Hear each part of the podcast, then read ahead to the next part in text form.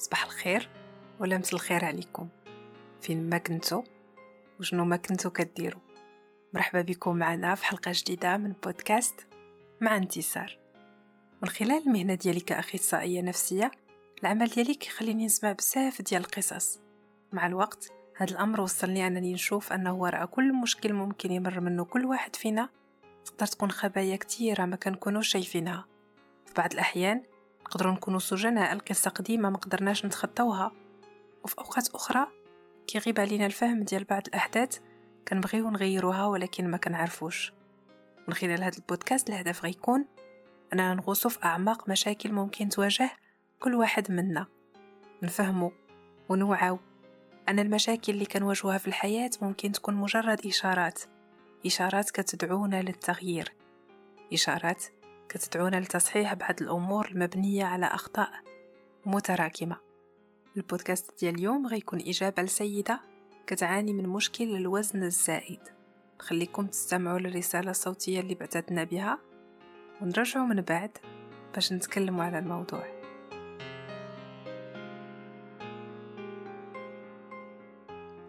السلام عليكم. اسم ديالي سميرة. الحياة ديالي عندي واحد المشكل زيادة في الوزن. وهاد الزيادة شوية كتزعجني لذا حاولت باش نلقى آه، حل لهذا المشكل. التجأت لبزاف الطرق طرق مختلفة بحال مثلا الصيام آه، ريجيمات قاسية. كنفقد الوزن كينقص الوزن ديالي. ولكن بعد واحد الفترة كنسترجع داك الكيلوات كاع كلهم اللي نقصتهم. كنسترجعهم ولا أكثر؟ أكثر من قبل. وهادشي كيزعجني وكيأثر لي شوية على النفسية ديالي. لذا الله يخليك إلا كان ممكن. تعطيني شي طريقة. طريقة اللي تجعلني نقص الوزن ديالي بشكل نهائي. ونعيش الحياة ديالي عادية و... و... ونكون راضية على نفسي. وشكرا.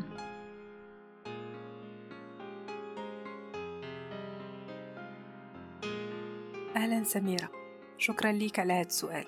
سؤال اللي ممكن يترجم الحالة النفسية ديال بزاف ديال الناس بدرجات مختلفة. كنلمس في كلامك أن هذا الأمر كيشكل لك مشكل كبير.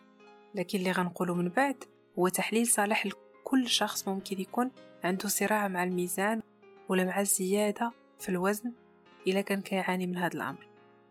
كل إنسان فينا كيحتاج لتقدير ذاتي عالي باش يقدر يحس براسو راضي على ذاته ويندر ليها بطريقة زوينة تخلي منه سعيد ومتوازن.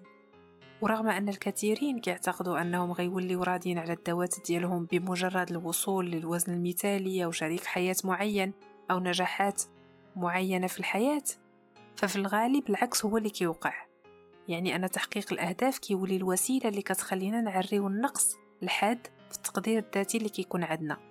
إما عن طريق الانتباه أنه رغم النتائج الحميدة ما كنقدروش نحسو بالرضا لمدة طويلة ومباشرة من بعد كنطلعو لما هو أكثر أو أفضل ولا كنلقاو راسنا قدام حالة نفسية بحال ديال السيدة سميرة.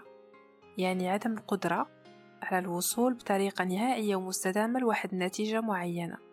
بحال إذا كان الشخص كيوضع في حياته بطريقة لا واعية شرط باش يرضى على نفسه. وهذا الشرط كيولي بحد ذاته كافي باش ما يحققش داكشي اللي بغاه. حيت هو أصلا كينظر لذاته على أنه ليس أهلا للاستحقاق. وهنا بحال إلا الشخص كيصنع حاجز لا مرئي بينه وبين الهدف اللي بغى يوصل له اللي كيتجسد في الصراع ديالو لفقدان الوزن. باش نعرفو نتعاملو مع مشكل الزيادة في الوزن كنبداو دائما مؤشر كتلة الجسم. ليمسي.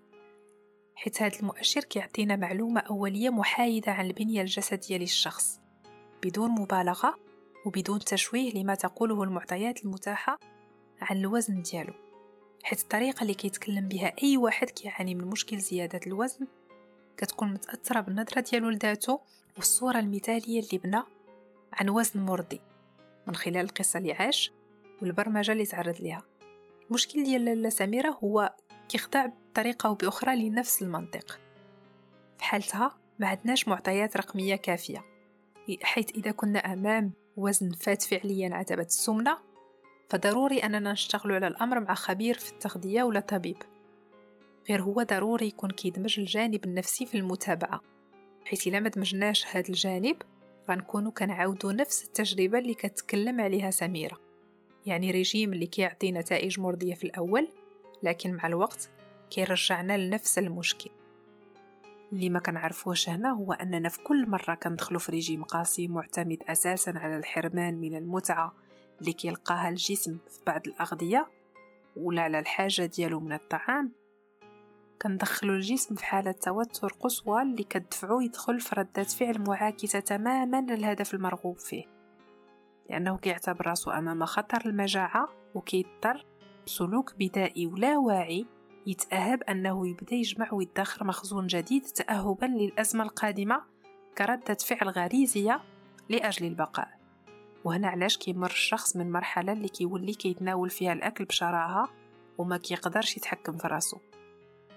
يمكن المعاناة ديالك لالا سميرة جاية من عدم الفهم لطريقة العمل ديال الجسم ديالك والأكيد أن عدم إدماج الجانب النفسي كيف ما قلت كنأكد في المسألة ما كيعاونش على مواجهة هذا المشكل. خليني نقول لك أن أول أمر ممكن تقوم به هو ملاحظة السلوكات ديالك في الأكل. خذ لك أسبوع أو أسبوعين بورقة وقلم وكتب عليها كل الملاحظات اللي كتخص علاقتك مع الأكل. السبب اللي كيدفعك للأكل مثلا يعني واش الجوع ولا أن وقت الأكل اللي مولفة تاكل فيه وصل؟ واش ملي كتشوف مثلا شي حد كياكل حتى انت كتبغي تشارك معاه في الأكل؟ ولا بكل بساطة ملي كتبقى بوحدك في الدار كتلقى راسك كتمشي نيشان للمطبخ ديالك وكتقلب على الماكلة. بغيتك ترد البال للحالة النفسية ديالك والأوقات اللي كتكون عندك فيهم الرغبة في الأكل كبيرة بزاف. حيث بعض الأشخاص مثلا اللي كيعانيو من مشاكل الوزن كتلقاهم كيحسوا بفراغ داخلي كبير ولا جفاف عاطفي. والأكل ديالهم كيكون كردة فعل لمحاولة ملء الفراغ اللي كيحسوا به. أما البعض الآخر اللي كيدفعهم للأكل هو البحث عن المتعة لأن الأكل هو أسهل طريقة متاحة لهم باش يوصلوا للمتعة ديالهم. من بعد ما تسالي التمرين ديالك لالا سميرة غيكون بين يديك تقريبا وثيقة فيها كشف عن العادات اليومية ديالك في الأكل للهدف منها أنك توعى ببساطة بعلاقتك مع الماكلة باش تقدر تقوم بتغيير طويل المدى. اللي مهم تعرفو هنا أنه على حسب طبيعة الملاحظات اللي غدير غيكون مهم أنك تلقى طرق الاعتناء بالحاجيات ديالك الشخصية خارج الاستهلاك اليومي ديالك للأكل. لكن بدون حرمان أو ريجيمات قاسية كنأكد على هذه المسألة. مهم أنك تعرف أن الإنسان كيحتاج للأكل في الأساس باش يعطي للجسم ديالو الطاقة الكافية لمزاولة الحياة ديالو بطريقة عادية. غير هو عصر الأكلات السريعة اللي حنا فيه وصور الأطباق لا متناهية الغير صحية اللي كنشوفوها كل نهار كتأثر بطريقة كبيرة بزاف على غريزة الأكل عندنا. زيد على هادشي القصة والتركيبة النفسية ديال كل واحد كيف ما سبق لي وشرحت ملي تلقى راسك كتاكل لسبب آخر غير الإحساس بالجوع اعرف أن حاجتك للأكل كتخبي حاجة أخرى يمكن ما عرفهاش مازال على الذات ديالك. ممكن كيف ما قلنا من قبل بسبب نقص حاد في العاطفة حيت العلاقات ديالك ما كافيينكش باش تحس بالاشباع العاطفي. ويمكن لي البحث عن المتعة ونفس الشيء يعني أن الحياة ديالك ما فيهاش أنشطة ممتعة كفاية لتخليك تحس بالإشباع التعرف على علاقتك بالأكل غتولي إذا فرصة ليك باش تحل مشاكل أخرى كتعاني منها. كان من خلال أنشطة جديدة ممكن تعطيك متعة. أو علاقات اجتماعية جديدة ممكن تلبي عندك الحاجيات اللي ما وعياش بها اليوم. لكن المهم جدا أن كل حل من هذه الحلول اللي ممكن تقوم بها في المستقبل تقوم به بوعي. حيث في نفس الوقت وانت كتقوم بهذه الحلول أشياء جديدة ممكن تلاحظها وتبان لك اللي انت ما عارفاهاش وانت كتحط هاد الحلول على أرض الواقع.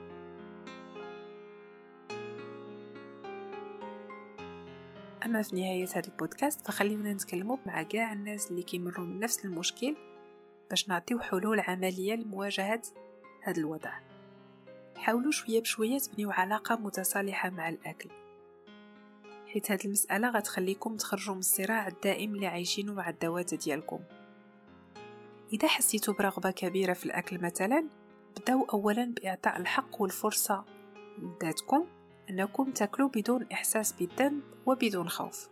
حيث داك الأكل اللي الجسم ديالكم كيطلبو هو الطريقة الوحيدة اللي لقى حاليا باش يلبي بعض الحاجيات اللي مقدرش يلبيهم بطريقة أخرى. غير هو مهم أنكم تعملوا هذا الأمر بوعي كيف ما قلنا. غتبداو تلاحظوا شوية بشوية أنه شحال ما عطيتوا راسكم الحق أنكم تاكلوا بدون توتر شحال ما بدات الشراهة ديالكم للأكل كتنقص. هاد المسألة إذا زدتوا عليها شوية بشوية المشي والرياضة مع استهلاك يومي للماء بطريقة مهمة كتجاوب مع الحاجيات ديال الجسم ديالكم غتكون كافية باش تخليكم تشوفوا نتائج مرضية مع الوقت. أما إذا ما قدرتوش توصلوا لوضع مرضي ومريح نفسيا فما تنساوش الاتجاه للمختصين اللي يقدروا يسهلوا عليكم هذا الأمر.